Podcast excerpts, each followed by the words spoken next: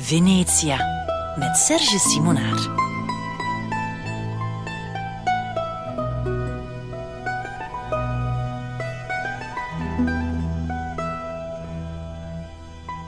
Carnaval. Ik weet dat het uh, een cliché is en veel mensen uh, kennen Venetië alleen maar van het carnaval. Ik heb het carnaval een paar keer meegemaakt. En het is, um, geef ik toe, hemel en hel. De echte Venetianen gaan alleen maar naar privé-bals en lopen alleen maar rond um, op plaatsen en plekken en op momenten dat de toeristen er niet zijn, maar kleden zich wel perfect in 18, 17e, 18e eeuwse uh, gewaden. En i festini, de, de oude naam voor carnaval, i festini, de feesten, um, die leven nog wel, maar je moet echt weg van San Marco, je moet echt weg van de Rialto um, en je moet echt uh, veel geld betalen voor een privébal in een echt palazzo, wil je de echte sfeer meemaken. Want voor carnaval geldt helaas nog meer dan voor de souvenirs. Als je je beperkt tot het San Marco-plein, dan beleef je carnaval in Taiwan.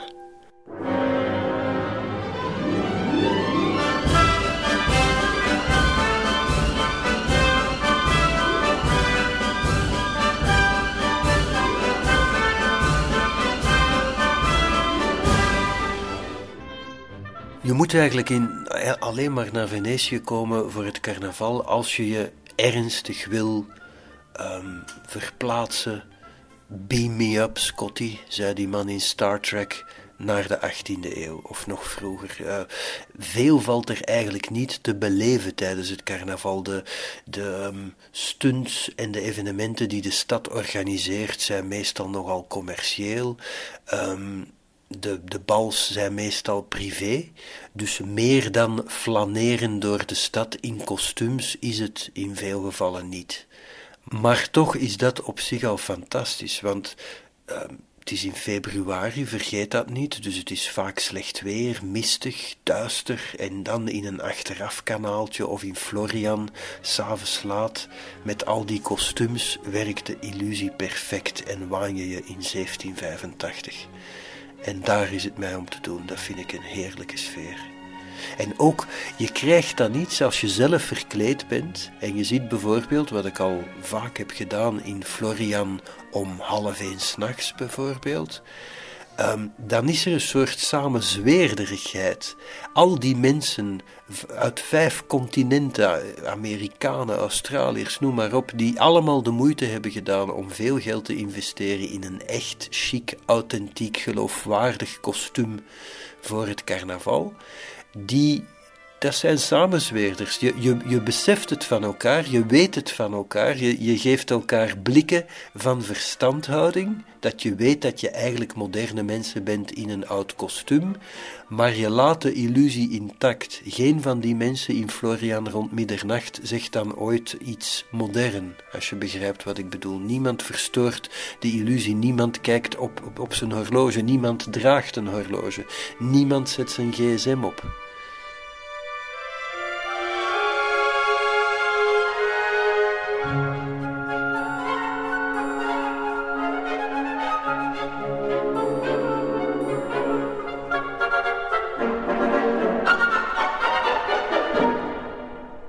Nu is het ook wel zo, pas als je, vind ik tenminste, als je aan het carnaval hebt deelgenomen, in kostuum, met masker, dan besef je hoe bevrijdend het is om gemaskerd rond te lopen. De eerste keer dat ik dat deed, ik heb, zal ik ook eerlijk toegeven, mensen zullen mij een nerd vinden, maar toen ik uh, een van de eerste keren dat ik als volwassene naar Venetië ging met mijn toenmalige vriendin, dat was rond kerstmis, dus niet met carnaval.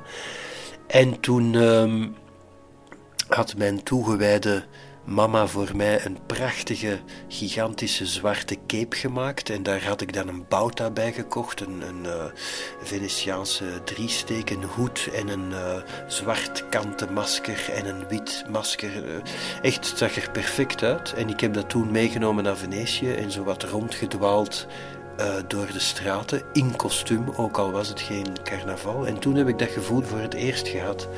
echt een bevrijdend gevoel. En ik kan het niet goed verklaren. Het is, ik denk dat het iets, toch iets instinctief is dat je beseft of dat je tenminste zelf de illusie hebt dat omdat jij gemaskerd bent, dat niemand jou kan zien.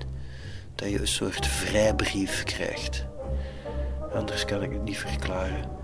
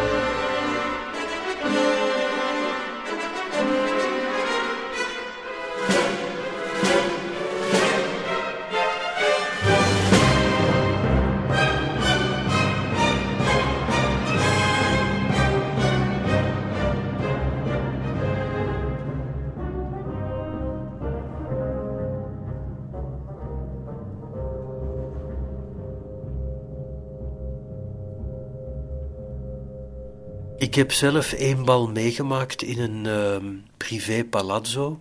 Nu geen echt authentiek bal, maar dus niet van de adel, maar wel een, een laten we zeggen, haut gamme, topkwaliteit, highbrow bal, uh, georganiseerd trouwens door Antonia Sauter, um, die uh, handgemaakte kostuums verhuurt en verkoopt en uh, volbloed Venetiaanse is en die heel hoge eisen stelt aan haar pals.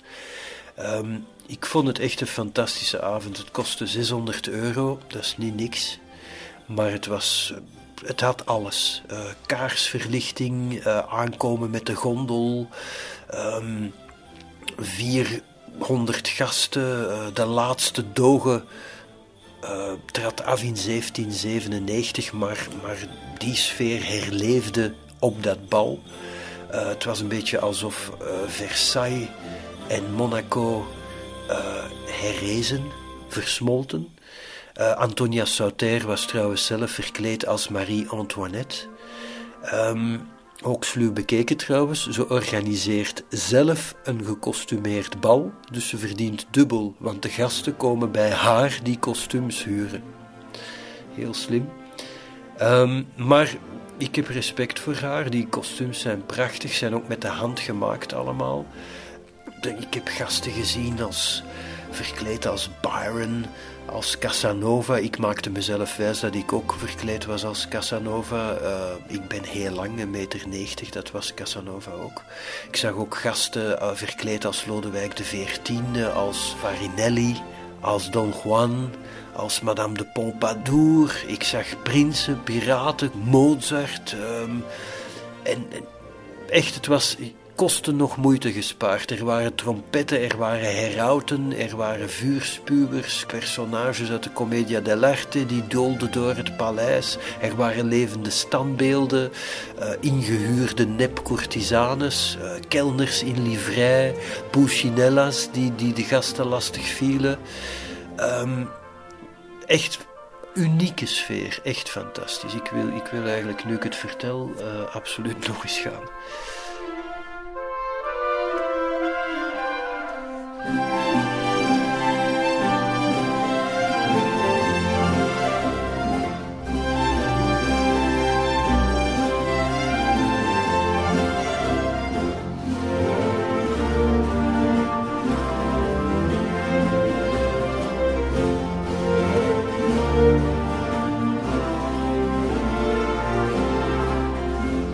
Typerend voor de Venetianen is dat zelfs in de 15e, 16e, 17e eeuw de carnavalbals al betalend waren.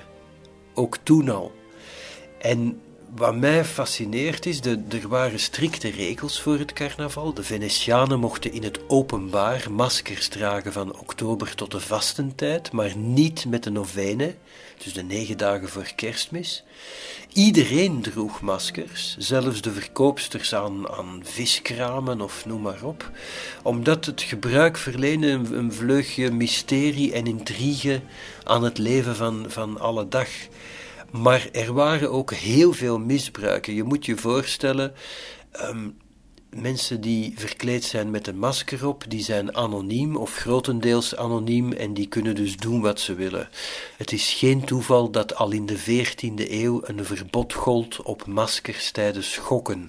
Je ziet de scène voor jou, vals spelen met een masker op. In de 16e eeuw was er een nog strenger verbod en dat vaardigden ze ook niet zomaar uit, daar waren goede redenen voor. Een verbod op maskers tijdens het bezoeken van kloosters en tijdens religieuze festivals. Die regel doet mij ook uh, talloze misbruiken vermoeden. Nu, je kan zeggen, maskers zijn democratisch. Iedereen werd ook aangesproken als maskera of maskerij de rangen en standen vervielen, zogenaamd, maar het spreekt vanzelf, dat is allemaal heel relatief.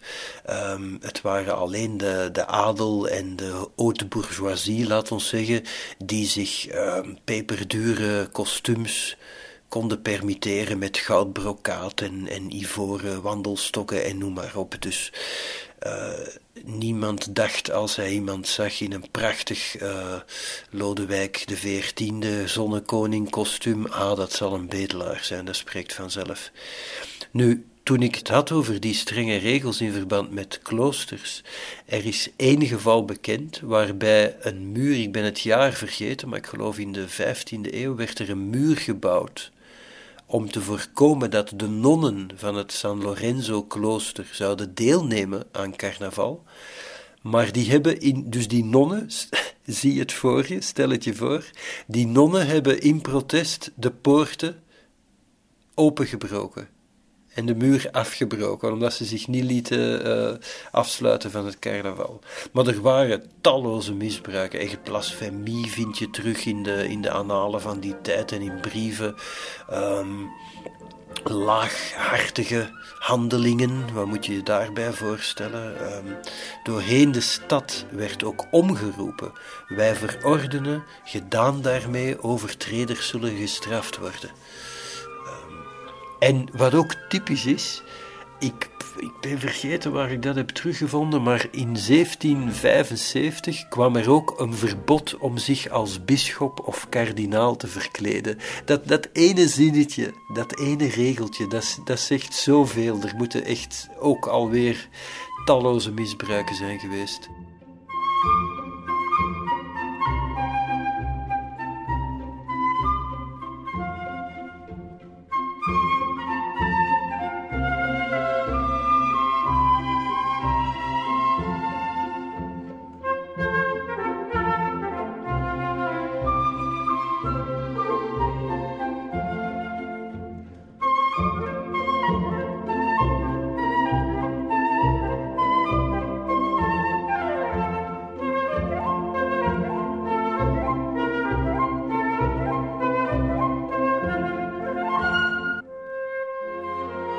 Vind het een beetje jammer dat, dat het moderne carnaval, ik zeg het al, modern is geworden. De, ik merk wel dat de Venetianen nu proberen om de klok terug te schroeven en het carnaval terug wat authentieker te maken. Ik merk ook heel veel irritatie bij de Venetiaanse um, burgers en kelners en maître d's die vinden uh, ofwel verkleed je je als je naar het Venetiaanse carnaval komt, ofwel blijf je weg. Er zijn heel veel toeristen die bij wijze van spreken eruit zien als een, uh, een kitscherige dakloze uh, met een maskertje van 5 euro made in Taiwan. Dan blijf je beter weg. Dat is echt de, de, uitspraak die ik van heel veel Venetianen heb gehoord de voorbije jaren. En ik vind ze hebben gelijk. Maar er zijn dingen veranderd die ik graag terug zou zien. In het oude carnaval had je een vette dinsdag, vergeet niet Mardi Gras. Zie je ook New Orleans en zo, Mardi Gras. Um, Het carnaval sleepte soms vijf maanden aan en het werd geopend met de Volo dell'Angelo, ook wel Vole del Turco genoemd. Dat doen ze nu wel na, zo'n zo'n stuntman die dan vliegt van de ene kant van San Marco aan een of andere stalen kabel tot aan uh, de doge, zogenaamd. Uh, tot aan het uh, balkon waar de man die de doge speelt nu staat. Maar die Volo del Turco is niet meer zoals het toen was. En ook het, het, de afsluiting van het carnaval is niet meer zoals het toen was.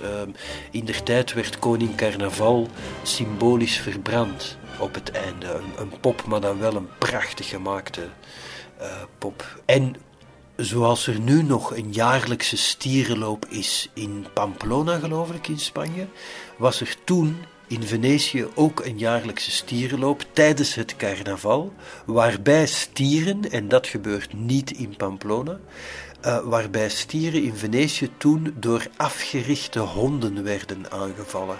Om maar te zeggen, het volksvermaak in die tijd was niet echt subtiel.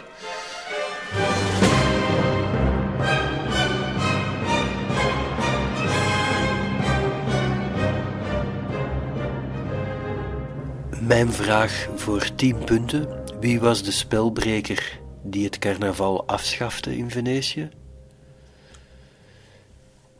Napoleon. Napoleon Bonaparte. En gek genoeg, in de jaren 30 was het carnaval nog altijd verboden. Het heeft geduurd tot begin jaren 70 voor het carnaval zoals we dat nu kennen in Venetië terug werd opgestart. is eigenlijk niemand beseft dat, maar er is echt een lacune geweest van bijna 200 jaar.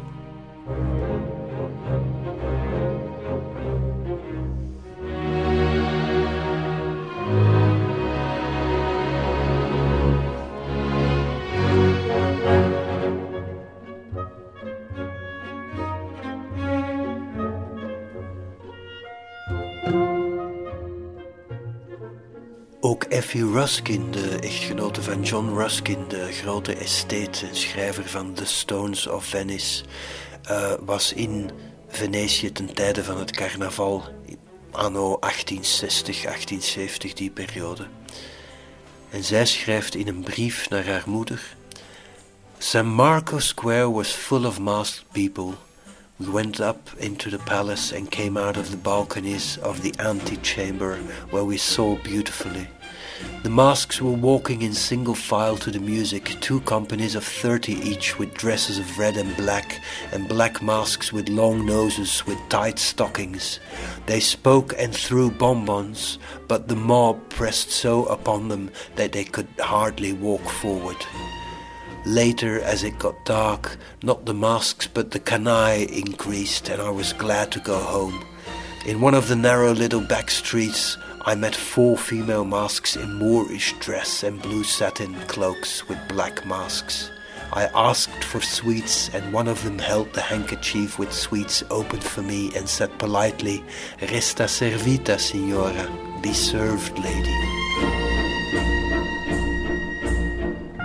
Dus zij vertelt, ze gaat kijken op San Marco naar het carnaval, uh, de parade van de gemaskerde carnavalsverenigingen. Ze loopt door een klein steegje, uh, ze krijgt snoepjes, dat was toen de traditie, snoepjes geven, galant en gastvrij zijn aan bezoekers. Resta servita, signore. Next day we hired a couple of dominoes with black masks and white gloves. John, Ruskin, haar echtgenoot, performed gravely. I laughed. We saw plenty other masks who entered cafes and threw bonbons. We wanted to attend the masked ball at the Fenice, but John went to have a look and said it would not do, for the music was bad and the dancing worse and the conduct abominable, and half of the people were in plain clothes. Ze wou naar het bal in de Fenice, maar haar echtgenoot verbiedt het haar omdat daar te veel kanaai rondloopt en omdat de sfeer te baldadig is. Vergeet niet 1860, het was voor een freule, voor een jonge dame, extreem not done om zich in dat soort atmosfeer te begeven. Effie beschrijft ook hoe ze de volgende dag van het carnaval in een box, in een loge, een loggia zit uh, in La Fenice met prinses Hohenlohe, een Miss Dent en een Mr. Dawkins, de consul. Wat ook aangeeft met welk soort mensen de Ruskins in Venetië omgingen. The theatre was illuminated from top to bottom, everybody in grand tenue, and five or six boxes full of our party with powdered heads, who I think created a much greater sensation than the crowds of masks below. It was brilliant, but it was easy to see the upper classes were not masking. The Duchesse de Berry appeared at the Cavalcina in deep mourning and without a mask. Dus het is opvallend, ze beschrijft hoe de adel geen masker draagt. Ik denk dat dat ook een reactie was tegen het baldadige gedrag van gemaskerde figuren. Dat, dat de adel het niet kon volhouden om zich onder het plebs te begeven en zich hetzelfde gedrag te moeten laten welgevallen als het plebs.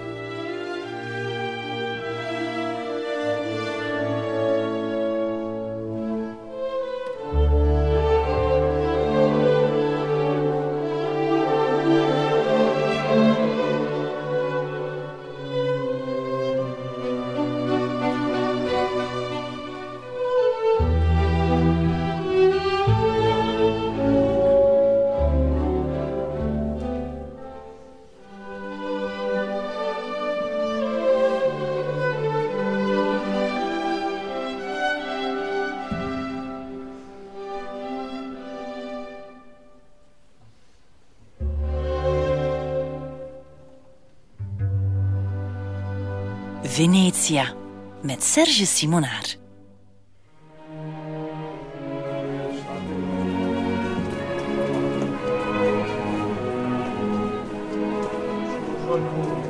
Venetië en decadentie is eigenlijk ook een apart hoofdstuk waard. Um, Venetië was lang zo rijk dat decadente feesten geen enkel probleem waren. Ik geef maar één voorbeeld. Um, aan het einde van de 18e eeuw was hier nog aan de Santo Stefano kerk, aan het Palazzo Pisane, was een feest voor de koning van Zweden. En Almoro Alvise Pisani, de, de adellijke uh, eigenaar van het Palazzo Pisani, had 800 mensen uitgenodigd. Er waren 170 lakeien. Er waren operadecors, er waren 12.000 bloemen geplant, want, en ik citeer, ik citeer uit een bericht van ooggetuigen uit die tijd, 12.000 bloemen geplant, want de lente was wat laat dat jaar. Um, kostprijs van dat alles, 17.000 ducaten, ter vergelijking of ter situering voor 17.000 ducaten kon je toch al een palazzo kopen. Dus voor één feest de prijs van een palazzo. Gouden servies. Um, maar ja, Alvise wou natuurlijk uh, indruk maken, want hij was uh, een tijd lang ambassadeur van Frankrijk en van Engeland. Uh, in, laten we zeggen, midden 18e eeuw, ik denk 1740 of zo. En hier vlak in de buurt is ook het Palazzo Labia. Je ziet het daar schuin links. De Labia-familie is qua decadentie ook een verhaal apart. Want die gouden, en dat is, ook, dat is geen mythe, dat wordt zo beschreven door talrijke ooggetuigen. De Labia's die gooiden goud uit het raam gouden muntstukken uit het raam, als, als een soort uh, divertissement, om de arme mensen een beetje voor de gek te houden en, uh, een soort uh, ja, bizar mecenaat. Maar een van de labia's was ook wel zo sluw om onder water een net te spannen, zodat de goudstukken die hij met veel vertoon uit het raam gooide en die niet werden opgevangen door mensen in of op het water, die kon hij daarna terug opvissen want die waren in het net blijven steken.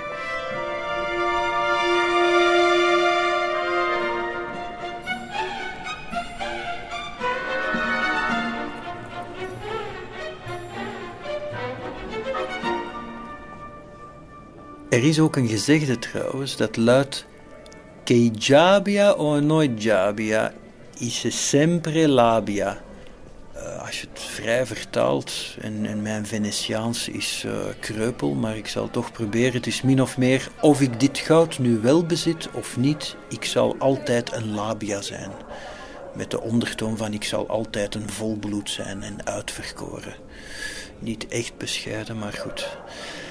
Nu, in dit Palazzo Labia Um, tenzij er nog altijd decadente feesten uh, gebeuren waarvan ik niet op de hoogte ben. En, en het enige wat ik weet is dat er uh, tijdens carnaval in een aantal palazzi echt zeer dure en, en elitaire uh, feesten zijn. Maar niets in vergelijking met het verhaal dat ik nu ga vertellen. Waar we nu staan in Palazzo Labia werd in 1951 door Charles de Bestegui een bal gehouden met als, als, ja, de, de, als gasten de who's who van, van die tijd. Nogmaals, 1951. Uh, de prins de Faucigny-Lucinge was er, Duke Fulco di Verdura, uh, graaf Sforza, een, een, een uh, gerenommeerd adellijk geslacht dat teruggaat tot de tijd van de Borgia's. Graaf Sforza, Lady Diana Cooper, uh, een van de Mitford Sisters, Salvador Dali, Orson Welles, Paul Morand, Winston Churchill, uh, Mona Bismarck, ook een bekend geslacht, um, de Duke and Duchess of Windsor. Al die mensen waren aanwezig. Het was een aristocratisch feest. Um, de richtlijn was tableaus. Dus de, je zou kunnen zeggen de dresscode, maar tableaus gaat verder dan kleding. Uh, het moesten decadente, cosmopolitische tableaus zijn. Uh, het werd ook gefotografeerd, want daarom weet ik het zo goed, omdat ik heb een uh, paar fotoboeken van Cecil Beaton, de, de glamour en society fotograaf van de eerste helft van de 20e eeuw, laat ons zeggen. Heel boeiende man trouwens. En die, die heeft foto's genomen van het feest. En je ziet daar echt de Café Society, uh, wat ook wel grappig is, want de Engelsen, die ook graag uh, doen, um, de nouveau riches, die werden dan genoemd de Nescafé Society.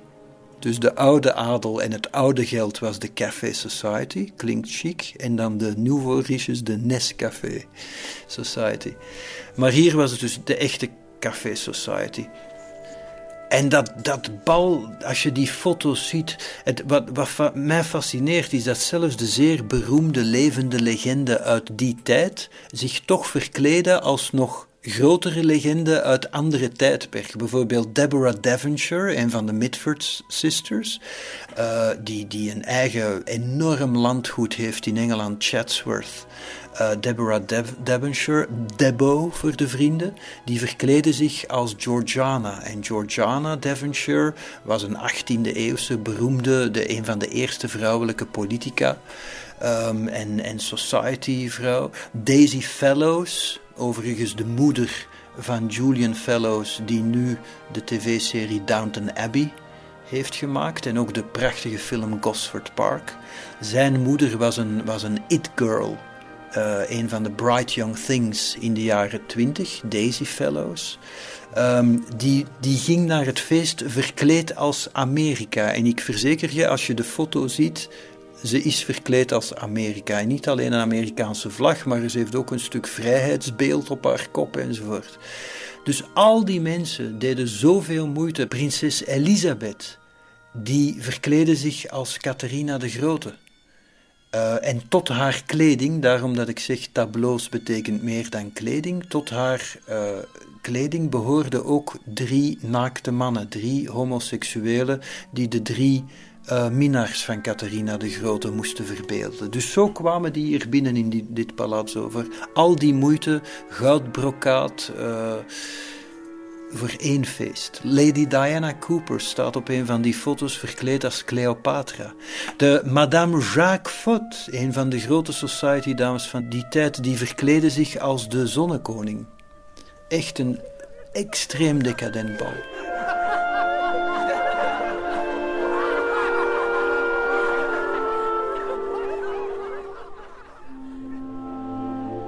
Recenter dan het bal van Bestegui was er trouwens nog een legendarisch bal bij graaf Giovanni Volpi de Misurata ook in zijn palazzo.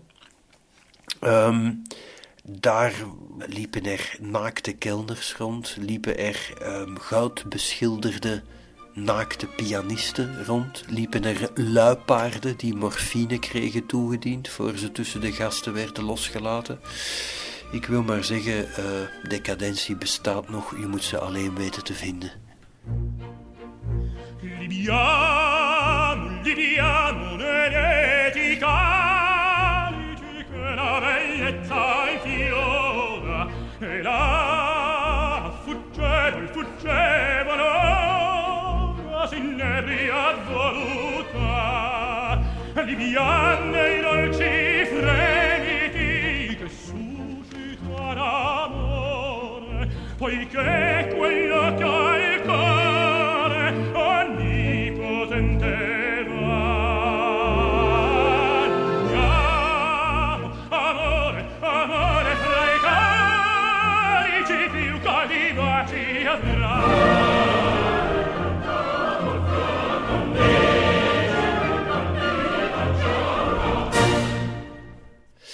Wat ik ook een paar keer heb meegemaakt, um, zijn operavoorstellingen in La Fenice tijdens het carnaval. En dat is natuurlijk ook fantastisch, want dan heb je al die. Uh, La Fenice is niet goedkoop, dat zijn vaak welgestelde mensen.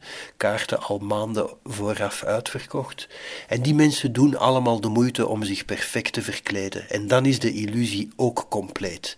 Dan kom je in La Fenice, oké, terug opgebouwd naar de brand, maar eigenlijk een, een oud gebouw. En een, en een mystiek, heilig, dramatisch gebouw. En daar loopt dan iedereen rond, zoals in de 17e, 18e eeuw. Dat is echt fantastisch. En dan vaak is het ook een opera uit de 18e of 19e eeuw. Dus dan is de illusie intact en compleet.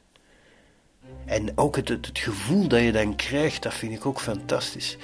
Um, als je dan in je loge zit, vlak voor het licht uitgaat, zie je dan in de loges tegenover jou in het halfduister enkel blinkende ogen achter maskers. Dat vind ik ook fantastisch. Heerlijk moment.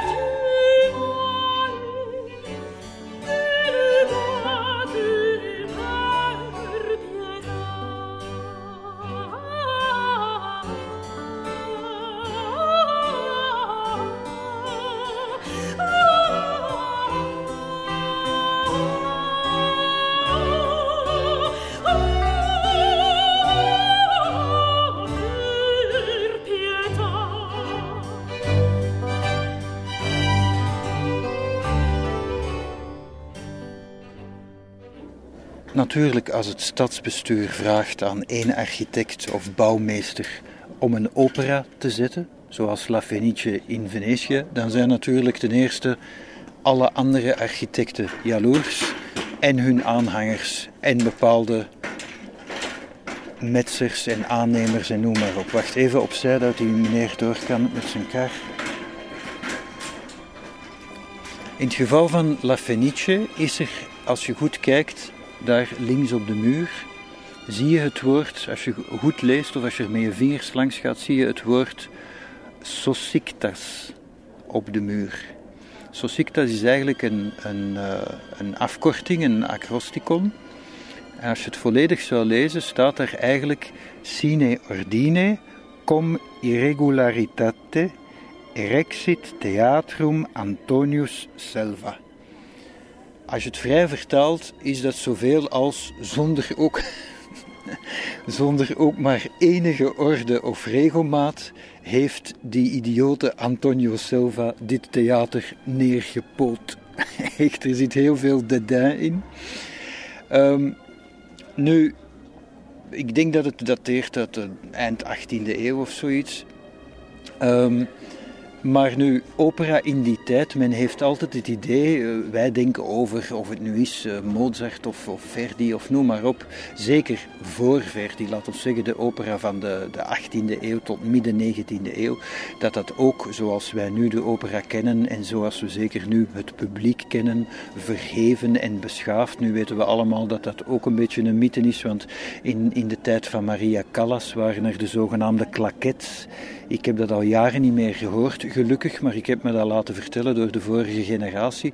Dat er bijvoorbeeld in Milaan, in de Scala, een anti-Maria Callas clubje was. Dat er echt een, een systeem van maakte om zoveel mogelijk lawaai te maken of haar af te leiden of boe te roepen of ostentatief niet te applaudisseren. Heel kinderachtig. Ik weet dat ook. Ik heb ooit met Pavarotti lang gepraat en die had daar in zijn begintijd ook last van. Zo van dat noemden ze klaket, denk ik. Zo'n klikjes die anti de performer van het moment zijn. Maar nu als je teruggaat tot in de 18e eeuw, dan is dat beeld van de waardige, redelijke, verheven opera en het gelijknamige publiek helemaal onjuist. Ik citeer nu even uit ene, ik weet niet wie het was, ene Jan Alenszoon, die in uh, zijn brieven in de 18e eeuw een opera van San Giovanni Crisostomo uh, beschrijft. Of tenminste, hij beschrijft het publiek. En hij schrijft alwaar verscheiden terre zaten, op hare hoofden en klederen te spuwen en andere vuiligheden te werpen, twelk zeer gemeen is. Vrij vertaald, uh, er was een deel van het publiek dat het uh, blijkbaar toegelaten vond om naar de sopraan die zich uitsloofde uh, allerlei uh, rotte tomaten en noem maar op te werpen en te roepen en haar uit te schelden tijdens... Ik, ik herinner me nog zo'n anekdote, maar dan in Engeland en dat vond ik ook onvoorstelbaar en dat is echt historisch correct, dat is geen mythe dat er een. Of, of, was het in de Metropolitan in het begin? Ik ben, ben het vergeten. Maar ergens waar de hoofddeksels van de mannen, de toenmalige mode, de, de hoeden zo hoog waren dat wie daarachter zat letterlijk niks kon zien. Dus je hebt uh, hoge hoeden gehad in verschillende maten en vormen. En zeker in Engeland op een bepaald moment was een hoge hoed van de, van de echte topklasse, de highbrow uh, elite, was ongeveer 40 centimeter. En die ging zo'n beetje zoals de, de top hat van de Mad Hatter in Alice in Wonderland. Die zette ook wat uit naar boven toe. Dus dan had je echt zo precies een vierkante rechthoek voor je ogen en zag je dus letterlijk niks van het podium. En wat ik mij ook herinner, is dat er geloof ik, ik weet niet meer welke opera, maar er kwam protest van het publiek officieel protest van het publiek dat de opera te luid was, zodat de mensen in het publiek, en ik, ik verzin niks, hè, maar ik ben alleen vergeten welke opera het was of welk publiek het was. Het publiek protesteerde omdat de opera, de muziek, zo luid was dat zij zichzelf niet meer konden verstaan als ze een gesprek voerden tijdens de opvoering. Dat kan je je toch niet voorstellen.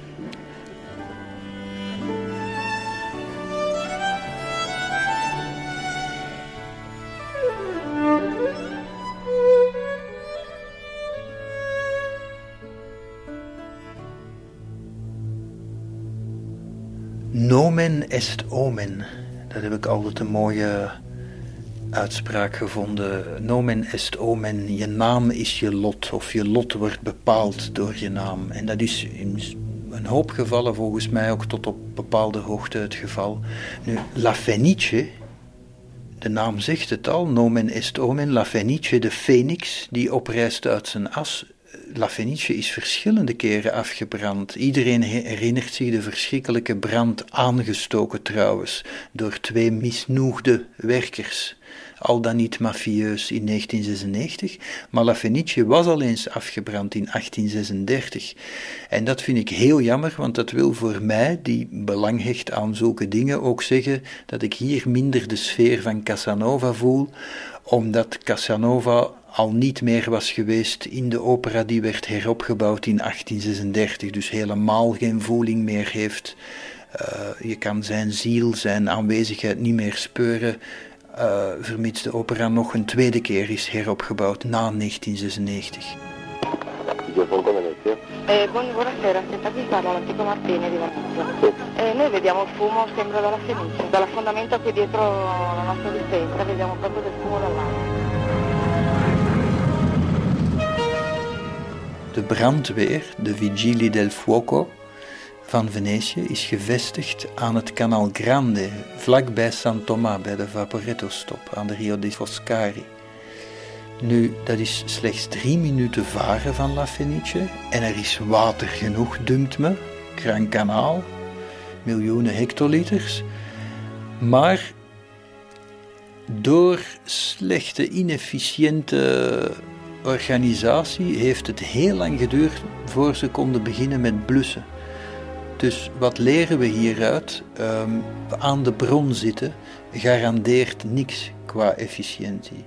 En ik herinner me, er zijn zelfs beelden van. Ik was er niet bij toen La, Fenice afbrandde, maar ik herinner me beelden daarvan. De knuddigheid uh, waarmee werd geblust. De, je moet je dat voorstellen van op het water, sowieso moeilijk. Die kleine bootjes, uh, water is meteen op. Uh, je kan ook niet langs alle kanten het gebouw bereiken, want een deel van La Fenice, daar, daar lopen twee smalle steegjes naast, dus daar is geen beginnen aan. Dus het is een heel kwetsbare stad eigenlijk en het, het is ook de meest kwetsbare opera. Sì, la situazione qui è drammatica. Il simbolo di Venezia, il Teatro La Fenice, è completamente divorato dalle fiamme. I vigili del fuoco sono accorsi rapidissimi, ma si sono trovati di fronte ad un incendio di una violenza inaudita. Ik herinner me wel exact nog het nieuws. La Fenice is aan het afbranden. Ik weet nog heel goed dat ik dat hoorde op het nieuws. En dat ik echt de neiging had om alles te laten vallen en naar Venetië te lopen, desnoods te hollen, om te helpen en daar dan ongetwijfeld een week te laten aankomen. Maar ik, ik vond het echt verschrikkelijk. En als je dan ook nog bedenkt om wat voor een domme reden twee elektriciens, als ik me goed herinner, die vonden dat ze onderbetaald werden of die via een of ander mafieuze onderaannemer niet kregen wat ze eisten. Het, het is echt een schande.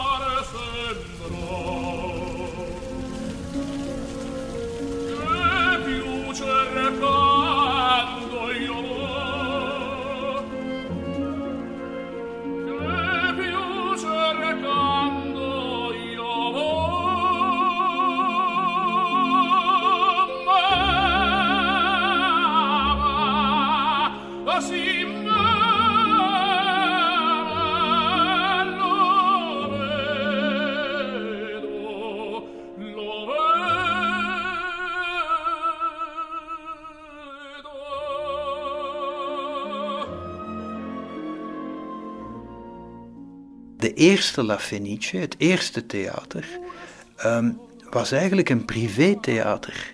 Dat is ook iets dat wij vergeten. De eerste operas waren geen openbare instelling, werden niet uitgebaten door, ik zeg maar iets, de stad of een vereniging of de staat.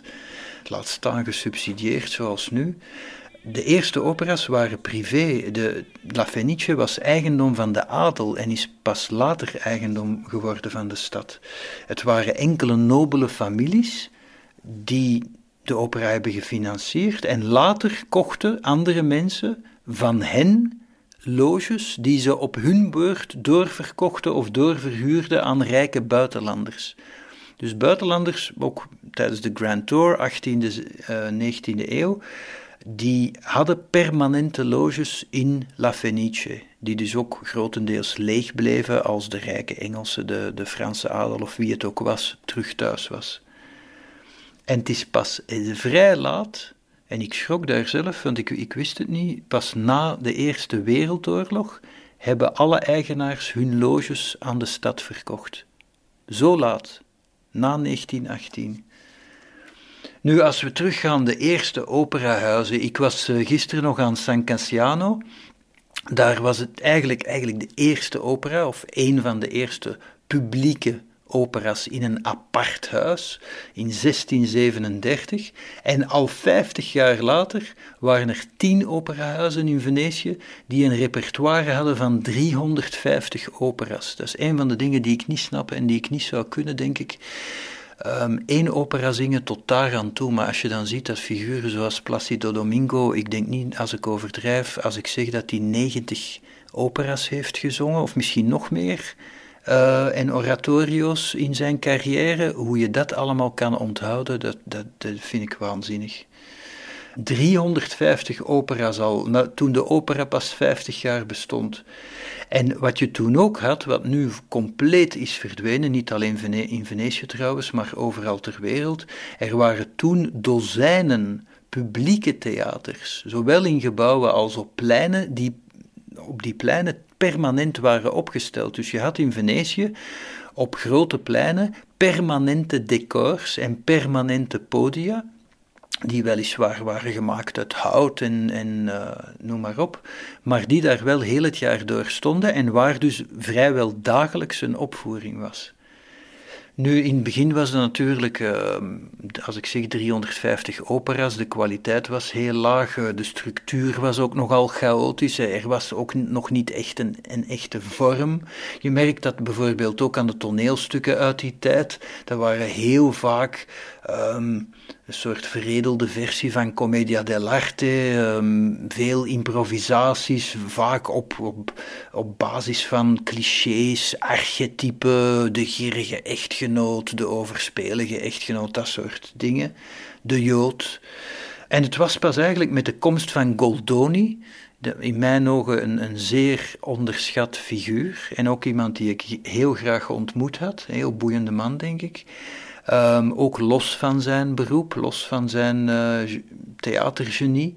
En Goldoni die verving eigenlijk als eerste al dat geïmproviseer. En, en het is ook een mythe om te zeggen, oh, improvisatie is het hoogste, want negen keer van de tien is improvisatie veel slechter dan het secuur opstellen van een tekst waarover je veel langer hebt nagedacht en waaraan veel langer is geschaafd.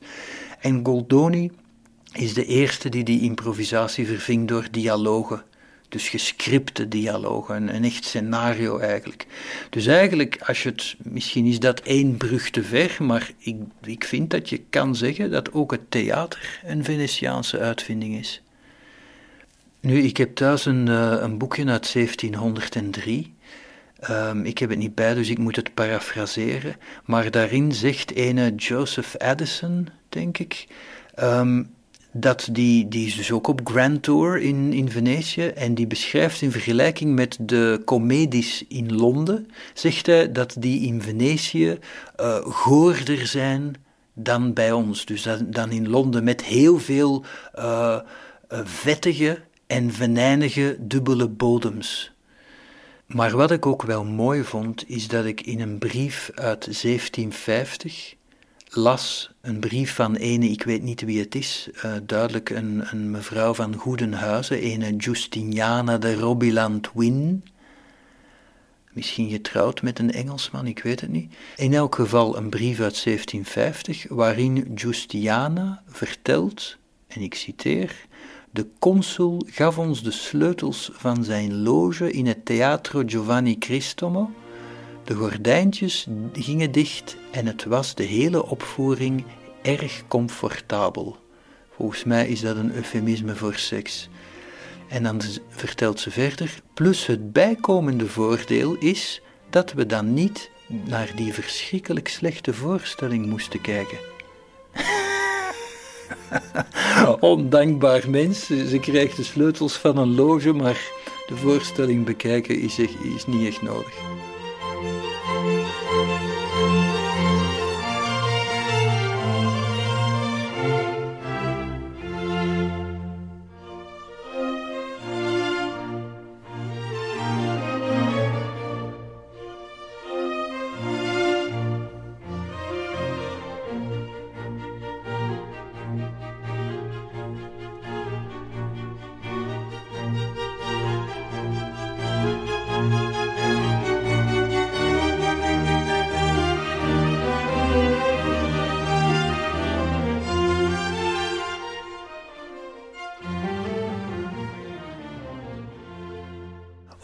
Goede bron om, om frappante details te weten te komen over La Fenice zijn de brieven van Effie Ruskin, de echtgenote van John Ruskin, die dus tussen pakweg tussen 1850 en 1880 uh, eh, een paar keer naar Venetië is gekomen.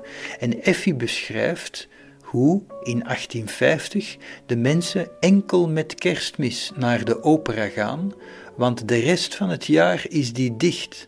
Dat had ik nog nergens anders gelezen. Dat La Fenice blijkbaar dicht was, een groot deel van het jaar, en dat de opera's elders werden opgevoerd. Effie zegt, Effie Ruskin zegt, onder andere in het Teatro San Benedetto. Maar dat dus La Fenice een groot deel van het jaar dicht was. Wat niet het beeld is dat wij hebben van La Fenice als een soort epicentrum van de cultuur in, in Venetië. En ze beschrijft ook hoe naar de opera gaan in de tweede helft van de 19e eeuw een sociaal gebeuren was, eerder dan genieten van kunst. Ze beschrijft, en ik vertaal nu ik zal eerst een stukje uit het Engels lezen. We were in the Emperor's box with Princess Jablonowska. The opera was Semiramide, dus Rossini. En ze beschrijft too many people talking. It is etiquette that ladies should never be left alone in their box, so whenever one gentleman has paid his visit for a quarter of an hour or so, another gentleman arrives to take his place, and you never have a chance of being alone one minute. Dus nooit ben je alleen, altijd moet je als vrouw gechaperoneerd zijn, wat ook maakt dat je nooit over de mannen kan roddelen natuurlijk, dat is wat haar stoorde.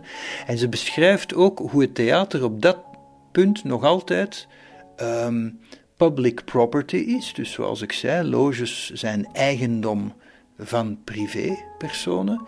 En dus anyone has the right to call on anyone they like. Tijdens de opvoering. Dus tijdens de opvoering van de opera was het een komen en gaan in de loges van uh, beau monde die elkaar een bezoekje bracht en een praatje kwam maken. Uh, most people go every night for an hour as it is economical. It saves them lighting their rooms at home. Having a box at the opera is the cheapest way to see people and society. Dus Effie Ruskin, alweer zo'n detail dat je nooit zal lezen in, in geschiedenisboeken.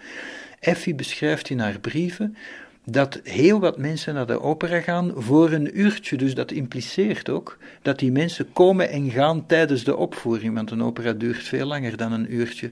En dat ze ook komen omdat het goedkoper is om die loge aan te houden dan al die avonden hun eigen palazzi te verwarmen. Dat is toch onvoorstelbaar.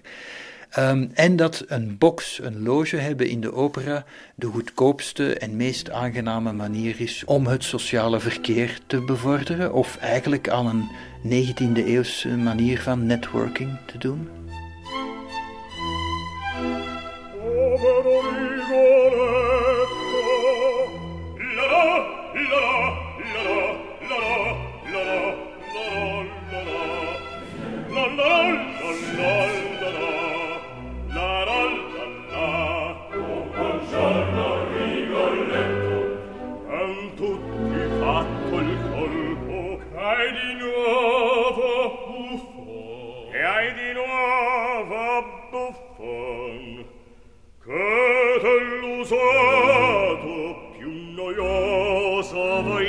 siete. La la la la la la la la la la la la la la Dove l'avran nascosto? la la la la la la la la la la la La la la la la. felice che nulla voi nuocesse. L'aria di questa notte questa notte sì o fulpe il colpo so dormito sempre. O voi dormiste. Avrò dunque sognato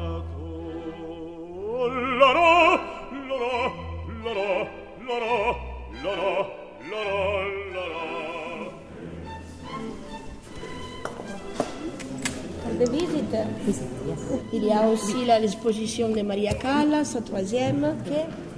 De vorige keer dat ik hier was, uh, in La Fenice, had ik mijn Walkman meegebracht en een koptelefoon. En ik, heb ik hier ook in een hoekje gestaan en Wagner gespeeld. Um, omdat hier ook Wagner zijn eigen symfonie in C-groot heeft gedirigeerd. En dat, dat vind ik toch ook altijd. Je, hebt twee soorten mensen in, in de wereld volgens mij. Mensen die nooit bij zo'n detail stilstaan.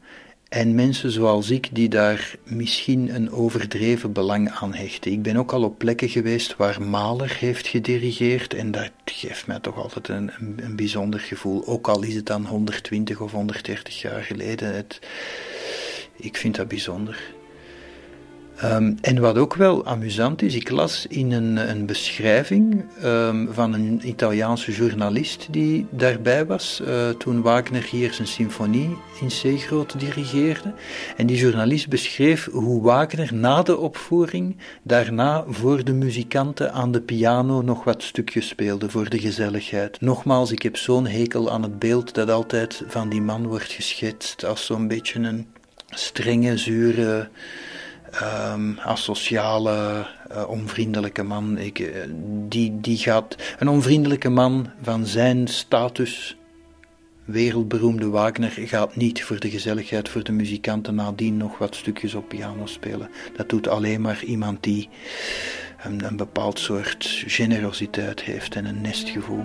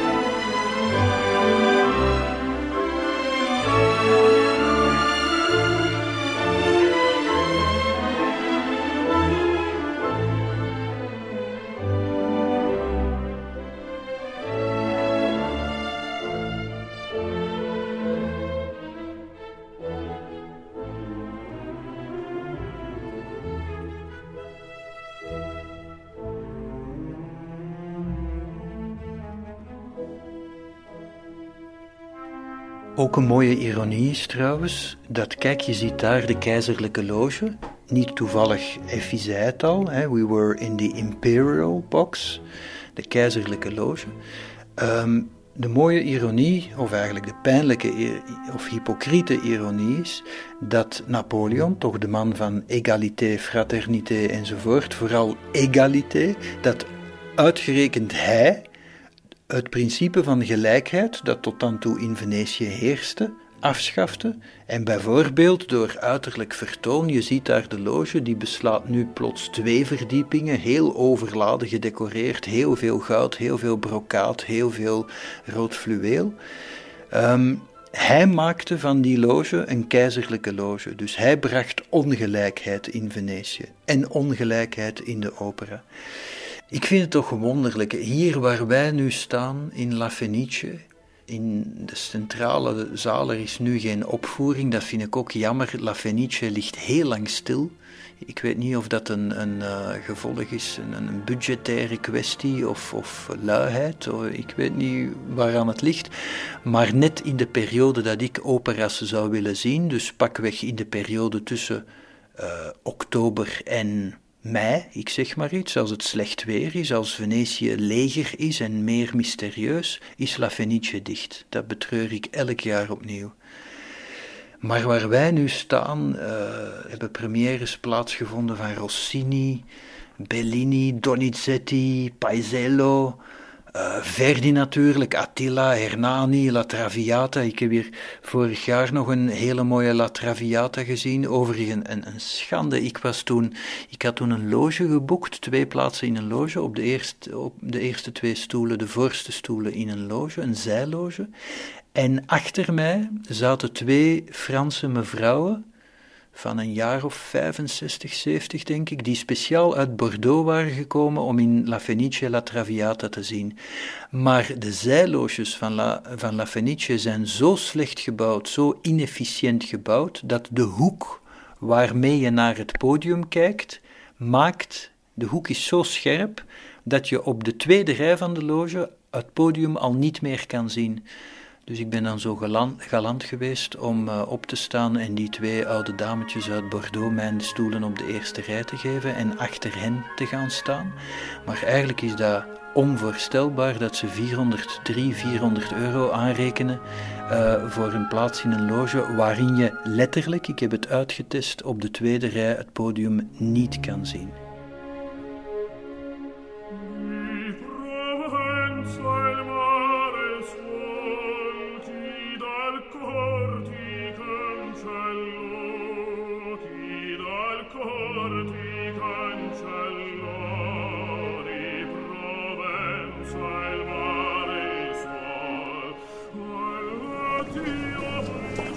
We staan nu op de hoek van de Campo Santo Stefano met de Calle de la Cafetière. En hier staat het Palazzo Duodo, waar ooit de componist Domenico Cimarosa woonde. Dat is ook weer zo iemand, als ik mij verdiep in zijn oeuvre, dan word ik heel moe en dan voel ik mij heel nietig, want die man heeft 80 operas geschreven. En daarnaast nog een vracht cantates, oratoria, symfonieën, sonatas, noem maar op, kerkmuziek ook. Hij was trouwens kapelmeester van Catharina de Grote, vier jaar. Je moet je ook dat voorstellen, die reis uh, een simpele Venetiaan die uit zijn dorp eigenlijk helemaal naar het hof van Catharina de Grote gaat. Dat moet ook een, een cultuurschok geweest zijn. Diezelfde Domenico Cimarosa is ook trouwens de man die Antonio Salieri, die we allemaal kennen via zijn connectie met uh, de, de nemesis van Mozart, laat ons zeggen. Um, Cimarosa volgde Salieri op als hofcomponist uh, van Leopold II in Wenen. Nu, zijn beste werk, um, Il Matrimonio Segreto, het geheime huwelijk, uh, toen dat in première ging in Wenen trouwens, aan het hof van keizer Leopold II, uh, in 1792, werd dat onthaald op een enorm geroep om bissen. Het was een fantastisch succes. Zo'n succes heeft Mozart nooit gekend. En het verhaal gaat, het is, het is trouwens geen mythe, het is echt uh, historisch uh, gefundeerd, dat de keizer de uitvoerders tussendoor eten liet brengen en nadien werd de hele opera nogmaals op, opgevoerd. Uh, helaas is Cimarosa dan nadien naar Napels verhuisd, wat een faux pas, een faux pas van je welste was, want daar werd hij wegens Franse sympathieën ter dood veroordeeld. Ik ben echt benieuwd eh, of jullie dat vinden trouwens bij Clara, want ik, ik heb Il Matrimonio Segreto nooit gehoord en ik ben heel benieuwd daarnaar.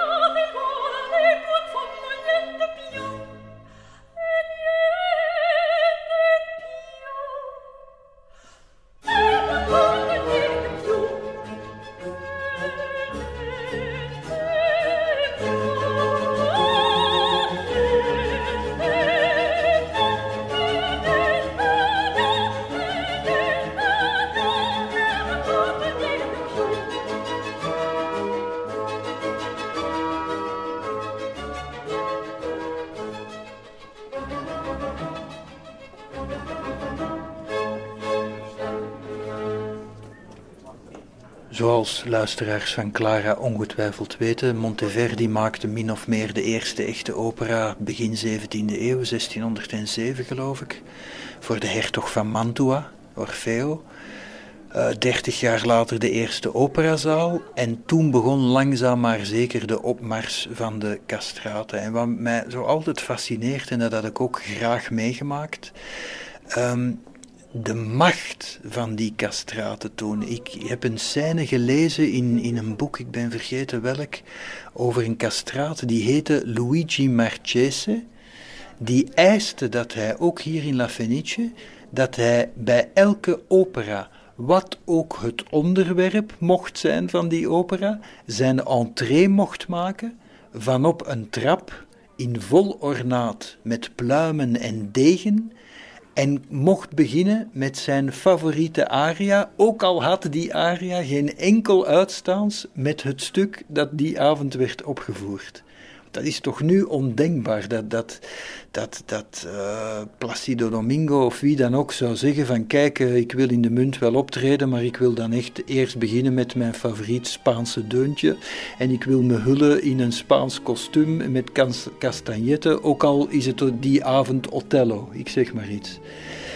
Um, ik heb trouwens onlangs, dat was heel mooi, in Londen een opvoering gezien van Farinelli niet de film, maar een theaterstuk naar hetzelfde verhaal van de castraat Farinelli. En die opvoering was uh, uh, bij kaarslicht, in een theaterzaal in Londen, bij kaarslicht, en met echte uh, contratenoren die meespeelden in het stuk en, en op gezette tijden een aria aanhieven. En ik denk dat dat het moment is dat ik denk niet dat ik ooit zo dicht bij de 17e eeuw ben geweest als die avond.